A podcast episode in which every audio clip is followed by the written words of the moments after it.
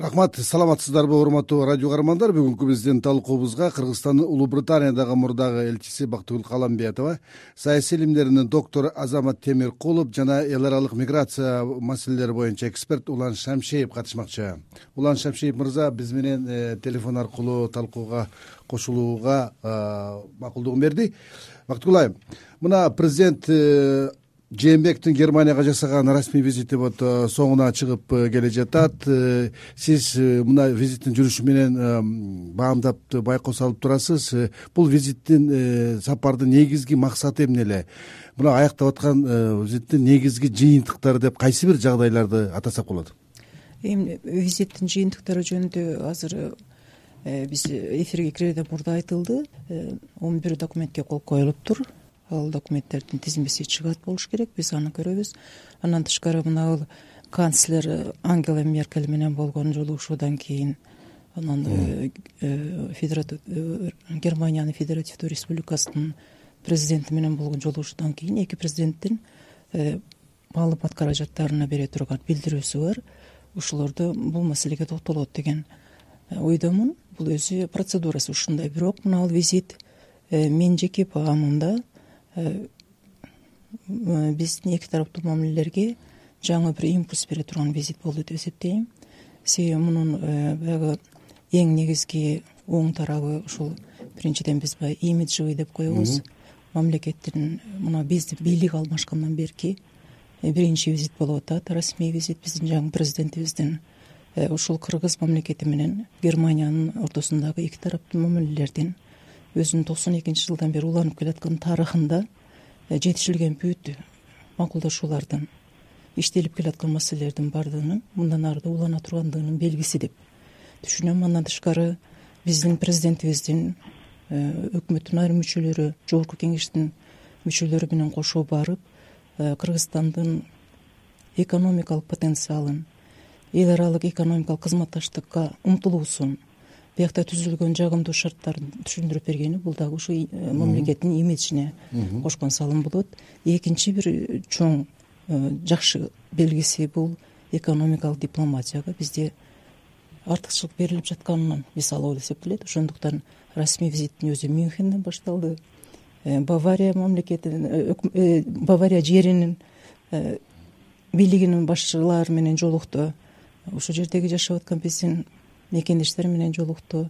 Айрыкча мына бул фонддо ошо германияда биз билгенден алты фонд бар негизги. Ошол фонддордун бири болгон ханс заделдин фондуна барып сүйлөгөнү бул ушул визиттин өзүнүн философиясын толук ачып берди деп ойлойм рахмат э, азамат мырза мына жогоруда айтылды э, эки миң э, бир миң тогуз жүз токсон экинчи жылдан бери кыргызстан германия менен кызматташтыгын арттырып келатат. Германия европадагы мамлекеттердин ичинен биринчи жолу кыргызстандын азаттыгын таанып элчилигин бишкекке ачкан мамлекеттердин бири да. Мына ушул чейрек кылымдын убактысында кыргызстан ошол европадагы негизги мамлекеттин менен э, мындай э, кандай кызматташты? Сиз баалай аласызбы? Германиянын ар тараптуу потенциалын кыргызстан бир пайдаландыкпы алдыкпы? Анын үзүрүн көрдүкпү? Бул биринчиден германия бул экономика жагынан эң күчтүү мамлекет европа биримдигинин ичинен. Анан бул өзүнчө бир э, чоң рынок деп эсептесек болот да вот потенциал э, абдан чоң. Биз ошол рынокко кирип туруп өзүбүздүн товарларды ошол жака экспортко чыгарсак болот. И ушу акыркы жыйырма жети жылдын ичинде ошого аракеттенсек да жакшы болот эле деп ойлойм. Бирок э, бизге азыркы күндө деле азыр всп плюс деген программага кирдик бул программа бизге жеңилдик э, берет. Мисалы биздин товарлар европага киргенде нулевой э, тариф менен кирет. Демек налогдор мындай чоң кысымдык бербейт да биздин товарларга. Бирок биз ошону жакшылап азыркы күндө пайдалана албай атабыз себеби биринчиден биздин товарларыбыз ошо европанын стандартына жооп жооп бериш керек. А европанын стандарттары өтө бийик биз ошондой продукцияны чыгара албай атабыз чынын айтканда бул биринчи экинчи экинчи сертификация. Сертификация маселеси бул да абдан чоң оор маселе себеби сертификат алыш үчүн бул өтө көп каражат керек ага. Андан кийин лабораториялар да болуш керек. Бизде андай чынын айтканда лабораториялар аз бар болсо деле вот. Үчүнчүсү бул транспорт. Транспорт жол узак болуп атат. Ошол жака биз э, биздин продукциябыз э, кандай продукциябыз чыгат? Э, биринчиден бул айыл чарба продукциясы. Анан транспортировкасы алыс болуп транспортный расходдор көбөйүп ошондо акыркы конечная продукциясынын баасы кичине кымбатыраак болуп калыш болуп калып атат да вот ошол бул үчүнчү маселе. И дагы бир айта турган нерсе бул объем. Биздин продукциябыздын көлөмү мындай чоң деңгээлге чыга албай атат да. Ошо көлөм демекчи биз э, германия жана евробиримдикке кирген өлкөлөр менен болгону мына он жетинчи жылдын э, жыйынтыгы мененчи төрт жүз алтымыш миллион евро эле соода кылыптырбыз да. Алардын көпчүлүк бөлүгү европадан кыргызстанга келген товарлар импорт. экен эми отузга жакын мамлекет менен ушундай э, көлөмдө кызматташып атканыбыз бактыгүл айым сулантып бериңизчи бизге биз үчүн канчалык мындай натыйжалуу же болбосо жетишпегендикпи? Эмне деп кандай деп алайсыз? Бакыт жерде бир нерсе бар да мына Э, биз германия менен азыр германия жөнүндө ошо визитке байланыштуу сүйлөшүп атабыз да. Германия менен кыргызстандын эки тараптуу мамилелеринде германиянын бизге донор мамлекет катары жардам көрсөтүп келатканын унутпашыбыз керек. Ошондуктан бизде баягы торговый балансыбызда ушундай бир диспропорциялар бар. Андан тышкары ушу германия дегенде биз баягы мындай э, жеңил эле жанагы жалпы европа биримдигинин э, биз менен болгон мамилесин өтүп баратабыз. Германия албетте европа биримдигинин ушул орто азияга анын ичинде кыргызстанга э, гуманитардык жардамы техникалык жардамдары соода экономикалык тармактарда анан э, мына укуктук тармакта демократияны колдоо адам укуктарын колдоо парламентаризмди колдоо багыттарында булардын жардамы мына бул пакет менен көбүрөөк келет да. Анан баягы түз маанидеги соода экономикалык мамилелерди ошол жанагы евро биримдиктин всп плюс дегени э, бул жана эме деген эменин э, эсептөөнүн жалпы системасына киргизиши эсептешүүнүн жалпы системасына киргизиши э, немелеринин артыкчылык берилген артыкчылыктардын жалпы системасына киргизилиши болгондо да анын экинчи даражадагысына киргизилиши. Бул биз үчүн ушу германия сыяктуу европалык европа биримдигинде экономикасына экономикалык жагынан баягы сөзү өтүп турган бакубат мамлекеттин Э, бизге берген э, көмөгү деп карашыбыз керек. Анан э, жана айтылды ушул биздин географиялык алыстыгыбыз анан биздин баягы эки тараптуу жана көп тараптуу мамилелерде европа багытындагы биздин географиялык алыстыктан тышкары тышкы саясатыбызда ушул буга чейин жанагы мен айткан пакет баягы гуманитардык өлчөмү саясий өлчөмдөрү укуктук өлчөмдөрү Э, алдыга чыккан үчүн биз азыр эми мына экономикалык дипломатияны жылдыруу үчүн аракеттер жасап атабыз э, азыр биз улан шапшин мырза менен байланышалы. Улан мырза саламатсызбы? Саламатсыздарбы мына э, кыргызстандагы демократиялык кадамдар үчүн германия баш болуп евро биримдик дайыма кыргызстанга колдоо көрсөтүп келатат. Мына ошондой колдоолордун бири европа мамлекеттери кыргызстанга бир топ билим алуу тармагында дагы жардамдарды берип келатпайбы? Анан кийин бирок э, канчалык деңгээлде ошол европадагы билим алуу потенциалын билим алуу мүмкүнчүлүгүн кыргыз жаштары пайдаланып жатат. Кыргыз өкмөтү ошончо аларга э, бир шарт түзүп берип жатабы? Болбосо биз э, биздин жаштардын евросоюзга киришинде виза маселеси бир чоң көйгөйдү жаратып келатпайбы? Ушул маселеде сиздин оюңуз кандай? Эми эң негизгиси азыркы мезгилде кыргыз республикасында могу миграция бул бөлөкчө жаңы форматтагы экономикалык тармак болуп эсептелип калды да. Анткени өзүңөр билгендей эле ушул эле акча которуулордун көлөмү эки миллиард эки жарым миллиард э, доллардан ашык э, түзүп э, жыл сайын. Бул биздин экономикабызга экономикабызга жана социалдык абалды өнүктүрүүгө кандайдыр бир өбөлгө түзүп атат да жаңы бир шарттарды түзүп берип ички экономиканы дагы өнүктүрүүгө мындай чоң салым кошуп берип атат ошол эле кезде биздин эң негизги азыркы мезгилде ушу евросоюзга боло турган миграция маселелери тууралуу калып алсак бул эң негизгиси көйгөй болуп бул тилдин жоктугу болуп атат да. Анткени биздин көп жаштарыбыз азыркы мезгилде тил боюнча башка ушул э, эмгек рыногундагы азыркы мезгилде конкуренция болуп турган мамлекеттер менен э, конкуренция түзө албайбыз да. Биздин жаштарыбыз көбүнчөсү ушул орус тили расмий тил болгондуктан э, көбүнчөсү россия федерациясында барып иштешет. Ал эми европа тармактарында ушул тил маселеси жана билим берүү системасынын көп мындай айырмачылыгынан улам Э, тиешелүү деңгээлде ошол жерде жумушка орношуу э, абдан оор болуп калды да мындан тышкары эки миң он төртүнчү жылдан баштап европада өзүңөр билгендей миграциялык кризис байкалды. Ошол жердеги э, мындай кара жумуш адистиги жок вакансиялар толугу менен араб мамлекеттерден болгон ушу миграциялык агымдар менен толуктап калды да.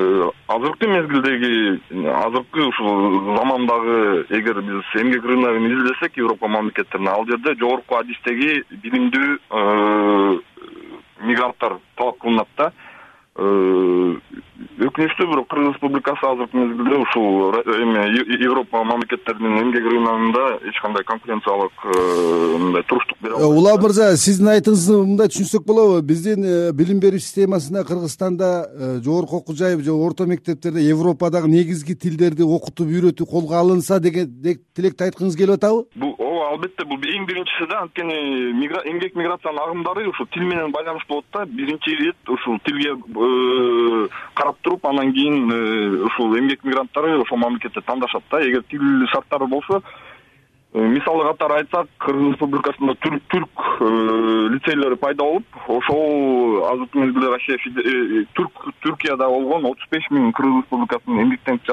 жаткан жарандары көбүнчөсү ошол түрк окуу жайларын бүткөн жарандар да. Ошондуктан эгерде биз азыр жаңы деңгээлге ушул тилди үйрөнүү англис тили биринчи ирет европа башка мамлекеттердин тилин немис тилин француз тилин үйрөнгөнгө чоң мындай бир фундамент түзүп койсок кийин келечекте бул жаңы миграциялык агым болуп эң негизгиси ал жердеги жашоо сапаты башкача эмгек маянасынын деңгээли башкача Э, жашоо шарттары негизинен эле башкача да. Бул э, бир жаран ал жерден э, башка мамлекеттерден он жарандын акча которууларын жаап алат эле да. Ошондуктан эң биринчиси биз азыр көлөмүнө эмес сапатына көңүл буруп эгерде биз европа мамлекеттерине жана батыш негизинен эле батыш мамлекеттерине көңүл бурайлы десек ал жерде эң негизгиси сапаттуу эмгек мигранттарын даярдоого чоң көңүл буруш керек да. Албетте мындан сырткары дагы ушул эле миграциялык кризистен улам. Европа мамлекеттеринде визалык дагы система аябай биздин кыргыз республикасынын жарандарына татаалдаштырган да. Э, жакында эле киргизилген э, дагы шенген мамлекеттерине кирүү эрежелери бир аз өзгөрттү. Азыркы мезгилде россия ушул кыргыз республикасынын жарандарыны жана негизинен эле снг жарандарына шенген мамлекет визасын алуунун алдында он беш күндүк текшерүү өтүү э, милдеттендирилген да. Бул албетте биздин жарандар үчүн европа мамлекеттерине чыгып кетүү үчүн аябай чоң көйгөй түзөт да. Рахмат азамат мырза мына азыркы сөздү улантайлычы мына бүткүл дүйнө э, европага барып билим алып тажрыйба үйрөнгүсү келет. Кыргызстандын жаштары да ошого умтулуп атат. Мен э, интернетте маалыматтарды карасам кыргызстан венгрия менен гана бир студенттерди алмашуу боюнча бир программасы жөнүндө маалыматтарды окудум. Ал да бир чуулган окуялар менен коштолуп тур да неге эле кыргызстанда германиябы европанын башка өлкөлөрү менен ушу билим алуу жагынан кызматташтыгыбыз кандай өзү билим жагы жагынан абдан көп программалар бар. Германия менен өзгөчө германия менен. Бизде ар кандай германиянын фонддору иштейт биякта э, тил үйрөтөт тилден башка да профессияларды да үйрөткөн программалар бар. Бул жагынан мен ойлойм абдан жакшы жардам берип атышат бизге бул эми өкмөттүк деңгээлдеги макулдашуунун негизинде болуп атабы? Албетте албетте. Вот бул жагынан мен ойлойм жакшы жардам берип атышат. Анан иш жакшы эле болуп атат экономикага караганда. Экономикалык мен башында айтып кеткем. Экономика жагынан анча көп мындай товар оборот деңгээли төмөн болуп атат. Образование жагынан эч кандай мындай начар эме жок деп ойлойм биринчиден бизде мамлекеттик э, тышкы саясатта ошол германияга жана европа биримдигине кирген башка европалык мамлекеттерге э, биз жумушчу күчүн экспорттойлу деген пункт жок. Биздин андай максатыбыз жок менин билишимче. Анан эми жанагы адамдардын э, бир жерден жер которушунун укугу бар. Ар ким каалаган жерине барып алганга билим алганга иштегенге укугу бар. Ага мамлекет өкмөт аркылуу шарттарды түзүп берип атат. Мындай тийиштүү келишимдерди визалык э, жеңилдиктерди берип атат. Мына ушундай караш керек. Биз баягы миграцияга э, ошол барып эле сүйлөшсөң ошол жерге барып жанагы биз эркин кирип чыга берсек дегендей эми азыркы миграцияда жүргөндөр мына четте жүргөндө да көрдүк биз окуп аткан балдарды. Бирде бир бир окууну бүтпөсө мына ушул айтылып аткан эле түркияда. Эми бул маселе мынабу сыртта окуп келип аларды бияка жайгаштыруу бул мамлекеттик бир комплекстүү программа болуш керек мына окуп окугандарды эмне үчүн келип эле сразу ак үйгө отургузуп койбойсуңар же боз үйгө отургузуп койбойсуңар деп атышпайбы туурабы? Бирок бул мамлекеттик программанын эсебинен болсо ошол мына бизге мынча кадр керек.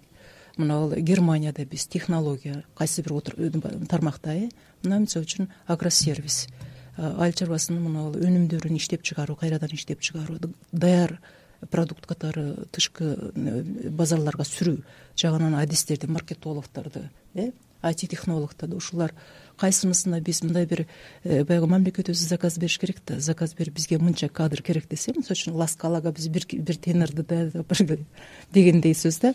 Ошондой программа менен барса анан буларга мамлекетте дагы муктаждык бар да. Мамлекет буларды жөнөтөт каржылайт э, же кандайдыр бир жеңилдиктер түзүп берет келгенден кийин ошол адамды жумушка алганга мамлекет өзү да кызыгытар анан милдеттүү да болуп калат да. Мына ушул жагын караш керек. Дагы бир маселени бактыгүлаев э, сизге суроо берейинчи. Мына кыргызстан туризмди өнүктүрүү максатында визасыз режимди киргизүү парламентти бекип ушу мыйзам катарында күчүнө кирген. Э, ошондо дагы негизги приоритеттүү бир аймак деп евро союзга кирген мамлекеттерди алганбыз. Ошонун баардыгына уруксат берилген ушул документтин ушул кайрылуудан кийин чечимдерден кийин кыргызстанга келген евро туристтердин саны азай көбөйдүбү? Анын натыйжасы болдубу сиздин баамыңызда кандай? Менин баамымдан тышкары дагы бул жерде э, статистика бүгүн келтирилип атат. Ушул э, эки миң он жетинчи жылы жыйырма канча миң болсо мына э, он сегиз миң болсо эки миң он сегизинчи жылы германиянын өзүнөн жыйырма беш миң киши келиптир эми бул туризм деген баягы биз визаны элүү эки мамлекетке э, визаны бир тараптуу э, баягы жокко чыгарып койгондон эле көбөйүп кетти дегенден эме болушубуз керек бир аз алыс болушубуз керек да. Турист ал өзүнүн мүмкүнчүлүгүнө жараша. Кызыгчылыгы баягы право выбора да ар ким өзү тандап ала турган өзүнүн ыктыярына жараша э ушул жерге барам деп э, келет да муну организованно алып келиш эмес. Бирок биз ошого карабай баягы экономикага туризмдин өнүгүшүнө бир түрткү берет деген жакшы тилек менен буга аябай каршылыктар көп болгон э, биздин да башка баягы өзгөчө пикирлерибиз болгон. Ошого карабастан элүү эки баштап кырк алты мамлекетке кийин анан кошулуп элүү эки мамлекетке ушу визалык жеңилдик бердик. Туристтер кадимкидей эле агылып келип бул жерде бизде туризм өнүгүп кетти дегенден алыспыз. Ал баягы карап турганда деле да.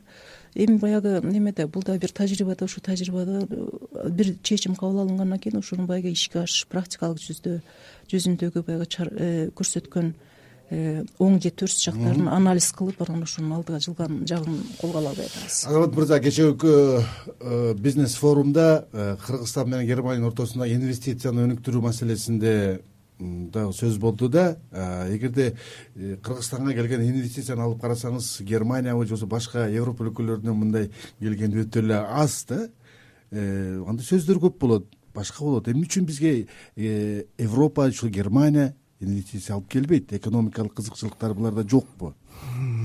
Анын себеби эмнеде? Биринчиден мен ойлойм бул коопсуздук маселеси. Инвестиция келиш үчүн мамлекет туруктуу болуш керек.